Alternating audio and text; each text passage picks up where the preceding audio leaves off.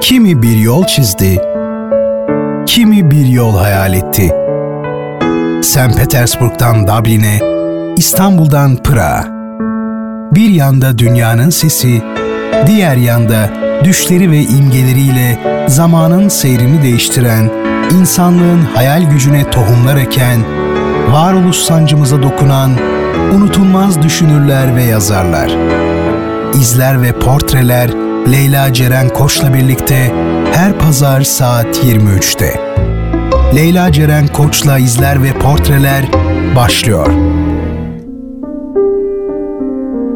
Şehrin tek gerçek edebiyat sever adresi 93.5 Radyo Gerçek frekansından herkese merhaba sevgili dinleyenler.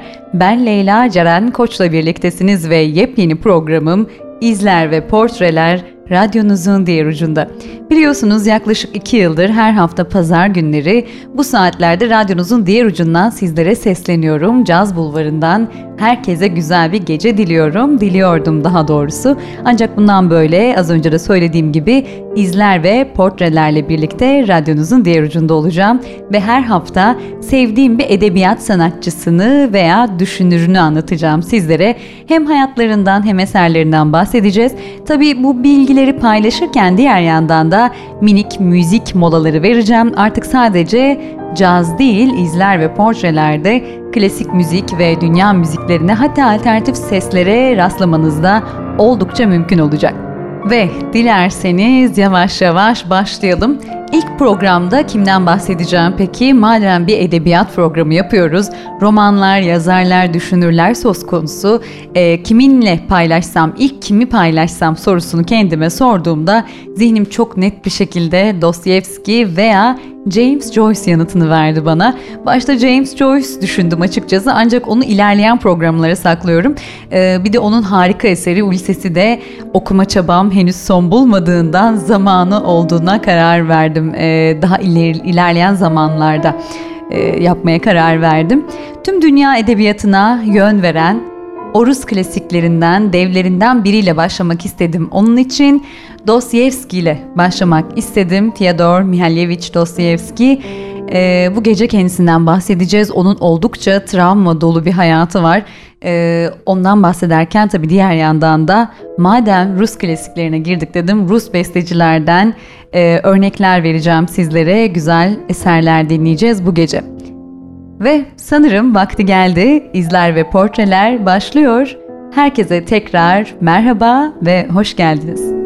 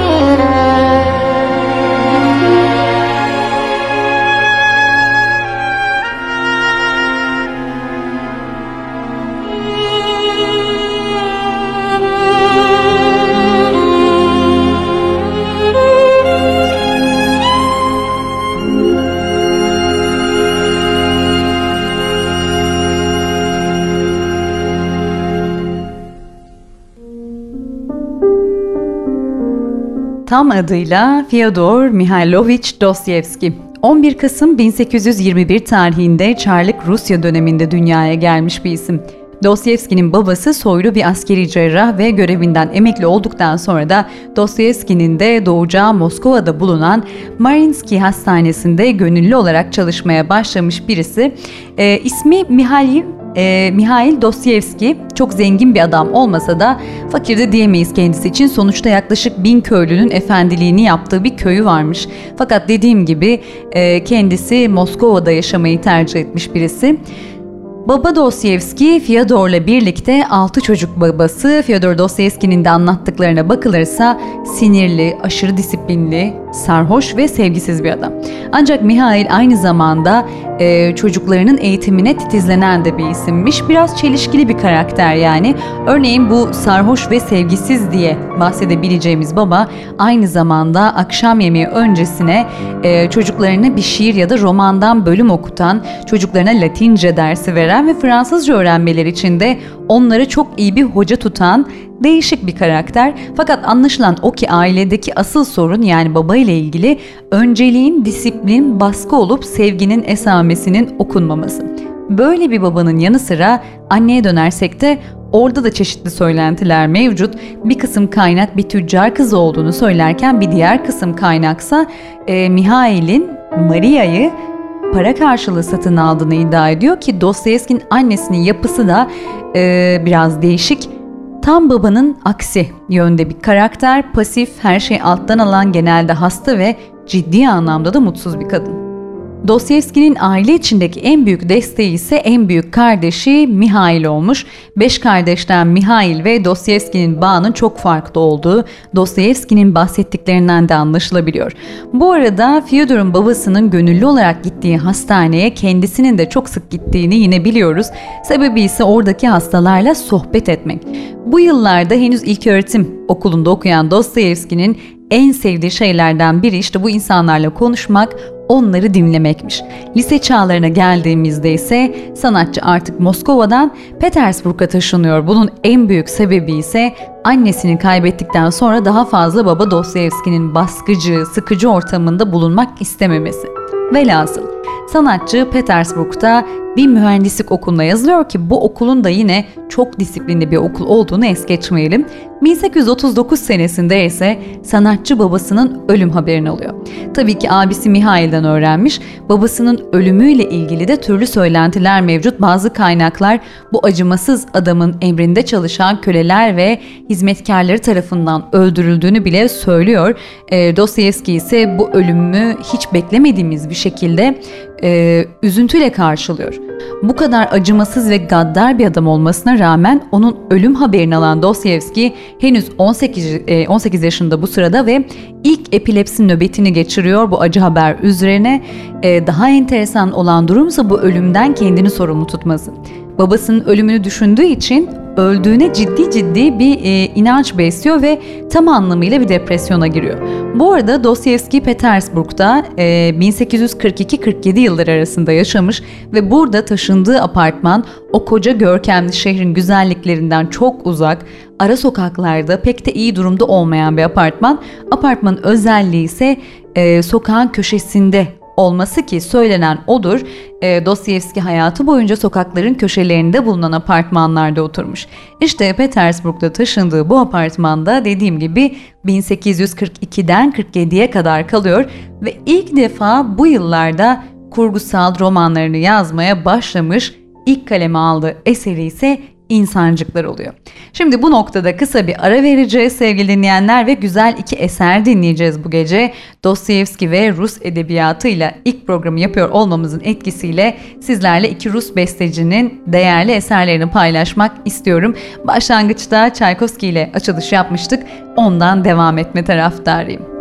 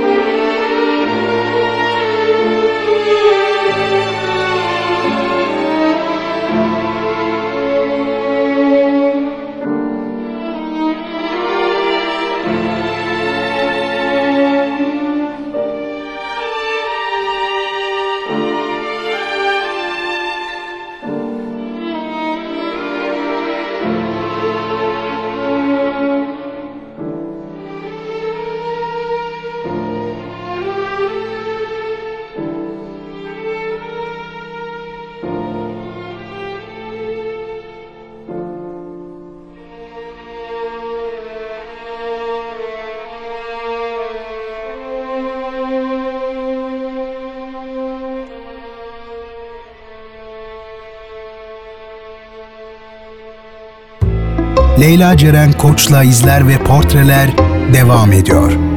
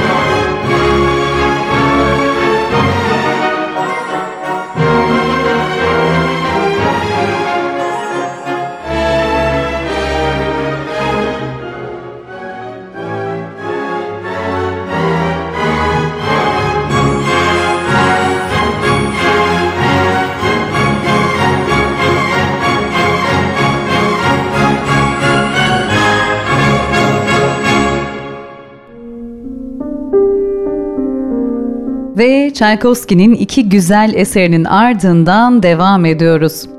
Sanatçı okulunu bitirdikten sonra ise mesleğini yapmak üzere Asteğmen olarak atansa da istemediği bu mesleğe ancak bir yıl dayanabilmiş. Çünkü hem askerlikten nefret ediyor hem de mühendis olmak da istemiyormuş Dostoyevski. 1846'da İnsancıklar yayınlandığında ise çok ses getiriyor ki henüz 25 yaşında olan sanatçı o dönem eserini yayınlamakta istememiş. Hikayesi ise şöyle gelişmiş. Dostoyevski eserini dönemin önemli şairlerinden Nekrasov'a veriyor ve Nekrasov e, bir gecede okuduğu eserden çok etkilenip bu eseri derhal Belinsky'nin görmesi gerektiğini söylüyor. Belinsky ise Rusya'da dönemin en önemli edebiyat eleştirmeni bu arada. Nekrasov eseri Belinsky'ye verirken aynen şöyle bir yorumda bulunmuş. Yeni bir Gogol doğuyor diyor. Bu benzetmeye ise Belinsky çok kızmış ve şöyle cevap vermiş. Zaten size kalsa Gogollar mantar gibi yerden biter. Ee, oldukça sert bir cevap ancak tabi romanı okuduktan sonra fikrin neredeyse tamamıyla değişiyor. İnsancıkların ardındansa 1846 yılında Öteki 1847'de Ev Sahibesi, 1848'de Beyaz Geceler eserlerini yayınlamış Dostoyevski. Ee, Öteki adlı romanında çift kişilikli bir memurun kendisi hariç diğer kişiliklerden kurtulma, e, kurtulma isteği işlenirken Ev Sahibesi adlı Gogol tarzına öykündüğü uzun öyküsünde ise Ordinov adlı karakterin insandan uzak ve bilime adanan ömründe aşkı keşfetmesi anlatılıyor. Beyaz Geceler romanında ise aşırı hayalci bir adamın dört günlük aşkı konu edinilmiş. Tabii bu üç roman asla e, insancık romanının gördüğü ilgiyi görememiş. Hatta insancıklar romanını öve ve bitiremeyen Belinski bu üç eseri asla kale almadığı gibi dalga bile geçmiş ve tabii zaten kırılgan ve hassas bir ruha sahip olan Dostoyevski bu eleştirileri kaldıramıyor ve uzun bir depresyona daha giriyor, uzun bir depresyonla boğuşmaya başlıyor. 1848 yılında Beyaz Geceler adlı romanından hemen sonra Bir Yufka Yürek uzun öyküsünü kaleme almış. Bu eserle biraz toparlansa da yine eski seviyeyi yakalayamadığını fark edince de politikaya yöneliyor yazar ve e, Petraşevski çevresi olarak bilinen monarşizm karşıtı bir edebiyatçı entelektüel tartışma grubuna katılıyor. Bu çevreli olan ilişkileri ise ona hoş olmayan deneyimlerin kapısını açıyor demek hiç de yanlış olmaz. Hatta acı deneyimlerin kapısını açıyor. Çünkü bu çevreli olan ilişkileri sebebiyle Dostoyevski, Belinsky'nin yasaklı Gogol'a Mektuplar adlı kitabını ve yasaklı başka kitapları da e, bulundurmakla suçlanmış. E, tabii bu suçlama onu Çar 1. Nikola'ya karşı mücadele ettiği iddiasına götürmüş ve sonuç olarak da tutuklanıp Sibirya'ya sürgüne yollanıyor. Bu arada Dostoyevski'nin e, görüşü tam olarak şöyle ki sıkı bir Rus milliyetçisi ve Hazreti İsa'nın bile Rus olduğunu düşünecek derecede de bu duruma takıntılı. Bir de e, sürgün cezasından önce aslında idam cezasına çarptırılıyor. Dostoyevski ancak daha sonra e, Çar'ın bir kararıyla cezası 4 yıl kürek mahkumluğuna, 6 yıl zorunlu askerliğe ve bir daha e, St. Petersburg'la Moskova'ya girememe cezasına çevriliyor ve Sibirya yılları başlıyor. Bu oldukça acı e, çekerek deneyimlediği yıllar diyebiliriz. Çünkü eksi 40 derecede zincirli bir halde kar küreyerek, mermer kırarak geçen senelerden bahsediyorum. Tüm bu zaman boyunca ise okumasına izin verilen tek kitap İncil. Cezasının ikinci kısmında ise zorunlu hizmet dönemi var tabii ee, ve Semipalatinsk adındaki şehirde bulunan askeri kışlaya er olarak verilmiş bu dönemde de. Fakat 1854 yılında başladığı bu ceza görevinde Dostoyevski 3 yıl sonra subaylığa kadar yükselmiş ve hayatı boyunca ne yazık ki ne yazık ki pişman olacağı mutsuz bir evlilik yapıyor Maria Iseyeva ile birlikte bu dönemde. Şimdi buraya kadar geldik. Devam etmeyeceğim. Burada kısa bir ara daha vereceğiz. Ee, harika bir besteciyle e, Mussorgsky ile devam edeceğiz. Night on Belt Mountain ile devam edeceğiz. Sonrasında ise artık Dostoyevski'nin e, en ağır yıllarını anlatmaya başlayacağım.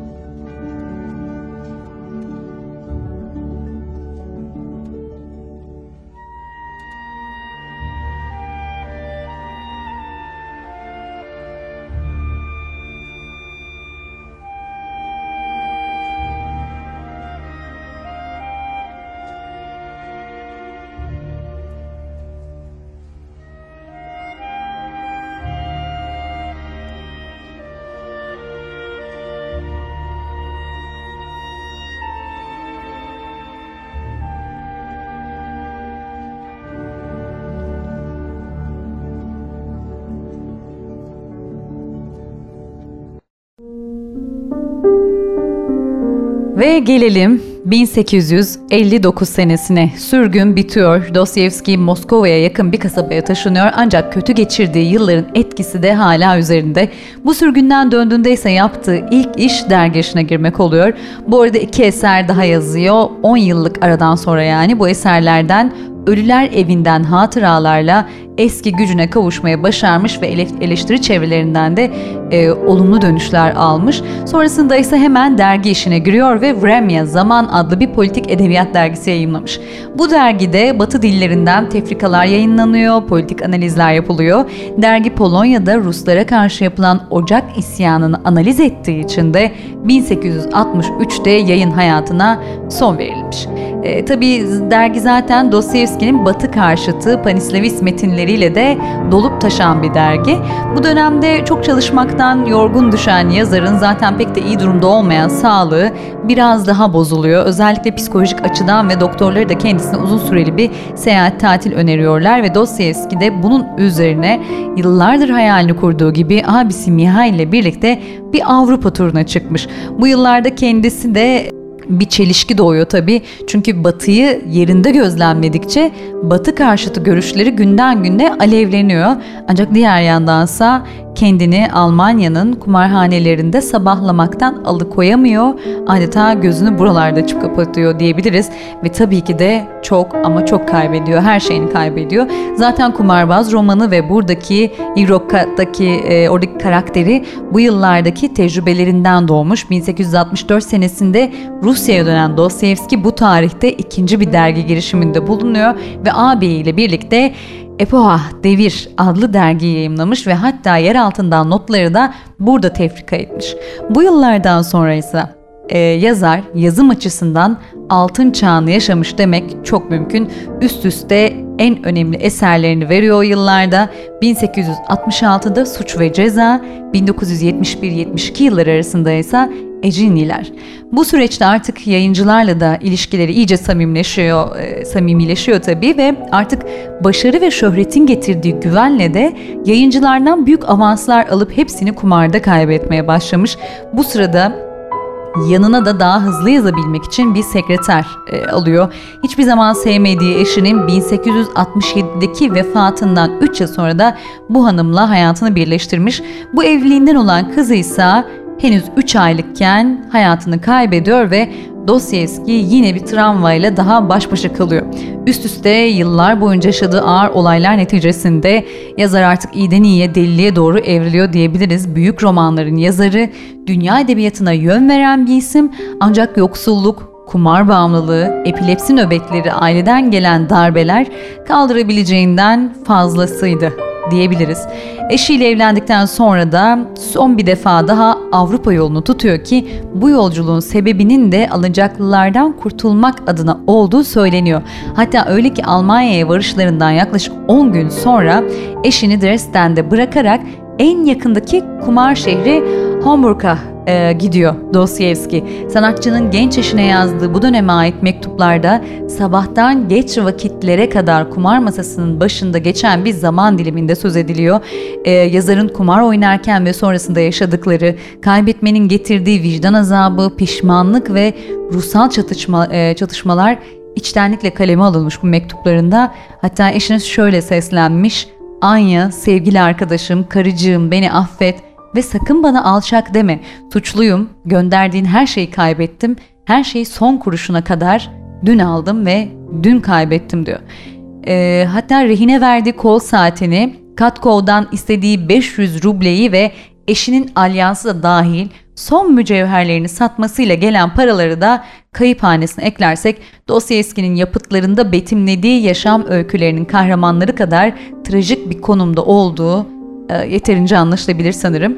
Sanatçının kendisine bakış açısını da yine şu satırlarda görebiliyoruz. Yine Anya'ya e, mektuplarından bir bölüm bu da.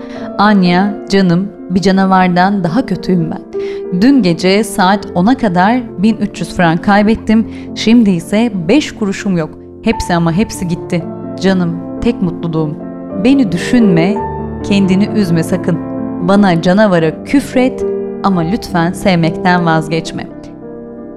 Dostoyevski'nin kumar tutkusunun araştırmacılar arasında farklı iki yorumu var. Bazı araştırmacılar bunun yazarın maddi problemine kumar yoluyla çözüm getirme isteği olduğuna inanırken bir kısım araştırmacı maddi e, problemine çözüm arayışının yalnızca ondaki tutkulu ve saplantılı karakteri gizleyen bir maskeden ibaret olduğunu söylüyorlar.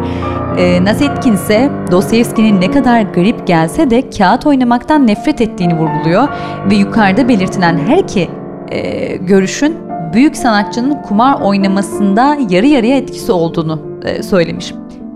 Kumarı ekonomik sıkıntıları ömür boyu devam ettiği halde bırakması e, bunun bir tutku değil de daha çok parasızlığa, şans da yardım ederse kolay bir çözüm olarak algılanabileceğini de e, gösterebilir belki. Zira 1870'te ekonomik açıdan geldiği noktayı e, Maykova yine ihtiyaç içindeyim o kadar ki kendimi asabilirim sözleriyle de dile getirmiş Dostoyevski. Bu kadar derin e, sıkıntılar içerisinde olan bir yazar ama dediğim gibi aynı zamanda da dünya edebiyatını yönlendiriyor bir diğer yanda. Şöyle bir toparlamamız gerekirse eserleri açısından da 1873'te e, Dostoyevski tanınmış dostlarının yardımıyla da tutucu bir haftalık dergi olan Grajdani'nin de başına geçmiş ne var ki yaptığı iş bağlayıcı bulunduğundan ve aşırı gerici olan derginin sahibiyle de anlaşamadığından bir yıl sonra buradan da istifa etmiş. Bu arada e, karısı büyük bir e, beceriklilikle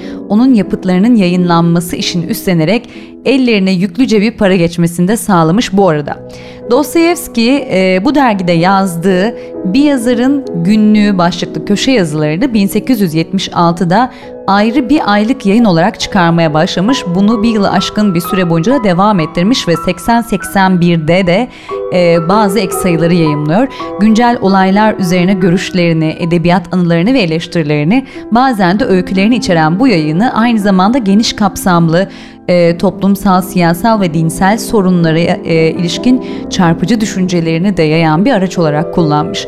Çok sayıda okuyucu toplayan bir yazarın günlüğü Dostoyevski'nin yaşamını, felsefesini ve başta son iki romanı olmak üzere yapıtlarını incelemek isteyenler açısından da e, önem taşıdığı söyleniyor.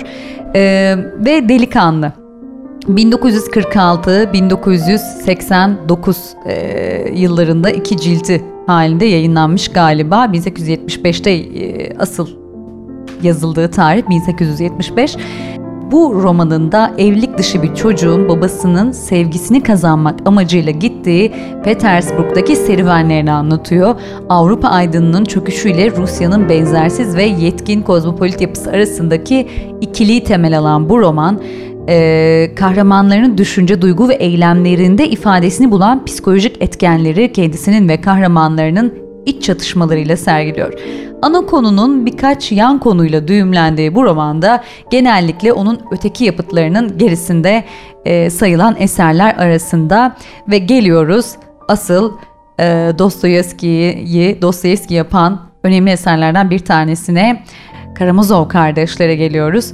Bunu yazmaya başladığında artık ülke çapında tanınan ünlü bir yazardı. Bahsettiğim gibi tanınmış bir yayımcı ve yazar Nekrasov'un cenaze töreninde konuşma onuru da kendisine verildi. Petersburg Bilim ve Sanat Akademisi'nin edebiyat bölümüne seçilerek saygın bir konum kazanmış ve 1880'de şair e, Pushkin'in ölüm yıl dönümünde yaptığı konuşmada e, hatta bu konuşmanın başlığı Batı Çıkmazı, Pushkin üzerine bir konuşma, Rusya'nın insanlık tarihindeki rolüne ilişkin görüşleriyle ağırbaş ve seçkin dinleyici kitlesinin duygularını bile ayağa kaldırmış. Bütün bunlara karşın Petersburg yakınlarında küçük bir tatil kasabası olan Staraya Rusya'da karısı ve çocuklarıyla birlikte sakin bir yaşam sürmeyi de yeğlemiş.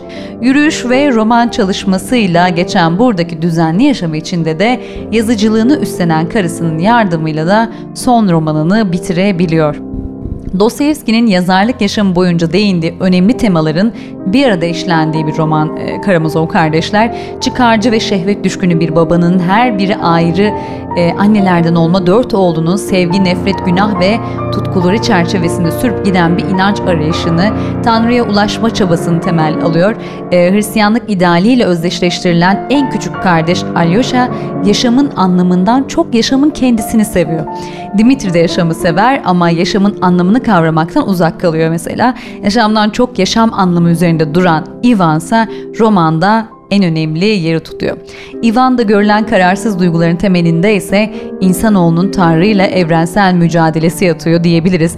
Bir başkaldırıdan yola çıkarak sonunda e, Tanrı'nın yarattığı dünyaya karşı metafizik bir isyana varan Ivan, Dostoyevski'yi inanç arayışına yönelten e, lanetlenmiş sorularla uğraşıyor diyebiliriz. Bu temel sorunun yanıtı evrensel uyumdaki gize, akılla değil yürek, duygu ve inanışla, inançla erişilebileceğini belirten keşiş Zosima'nın vaazıyla veriliyor ve Zosima'nın bu ilkesini Alyosha'nın baş kahraman olacağı bir dizi romanla somutlaştırmak isteyen Dostoyevski bu işe başlama fırsatını da bulamadan ne yazık ki yaşamını kaybediyor.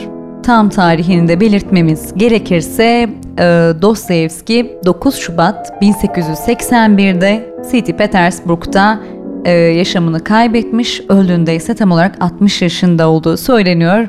E, mezarı da yine bu şehirde. 12 roman, 4 novella, 16 öykü, 200'den fazla makaleye imza atmış, 700'den fazla da bilinen mektubu olan bir yazar. Bir dev, bir efsane Dostoyevski. Tabii bu dev ismin etkilediği isimler de e, öyle sıradan isimler değil. Nietzsche, Malraux ve e, Sartre gibi isimlerden bahsediyoruz. Bunun nedeni de galiba e, yapıtlarında her zaman iki dünya arasındaki savaşı, e, kuşağın, iki kuşağın rahatsız eden ahlaksal, dinsel ve siyasal sorunlarını etkileyici bir biçimde dile getirmiş olması diyebiliriz. Sanırım bu insanoğlunun hiç bitmeyecek bir ayrımı, hiç bitmeyecek bir savaşı ama işte dünyada öyle zamanlar geliyor.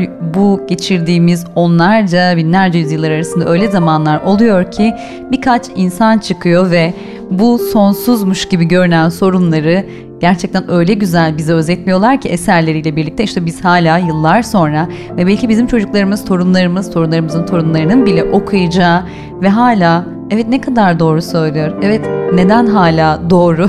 diyebileceği kadar e, ileri görüşlü ve yaşamı, sorunları, insanı, insanın doğasını, ahlakını e, çok güzel şekilde öğütleyen, özetleyen isimler. Ve sevgili dinleyenler geldik izler ve portrelerin sonuna. Dostoyevski'nin yaşamının sonuyla birlikte biz de programın sonuna geldik.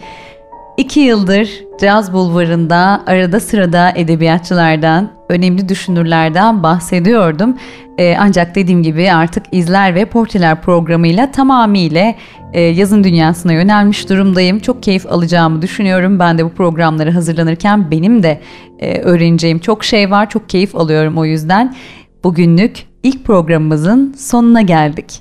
Haftaya izler ve portrelerde bir başka dev isimle buluşmak dileğiyle diyelim. Herkese güzel geceler diliyorum. Hoşçakalın. İzler ve portreler sona erdi.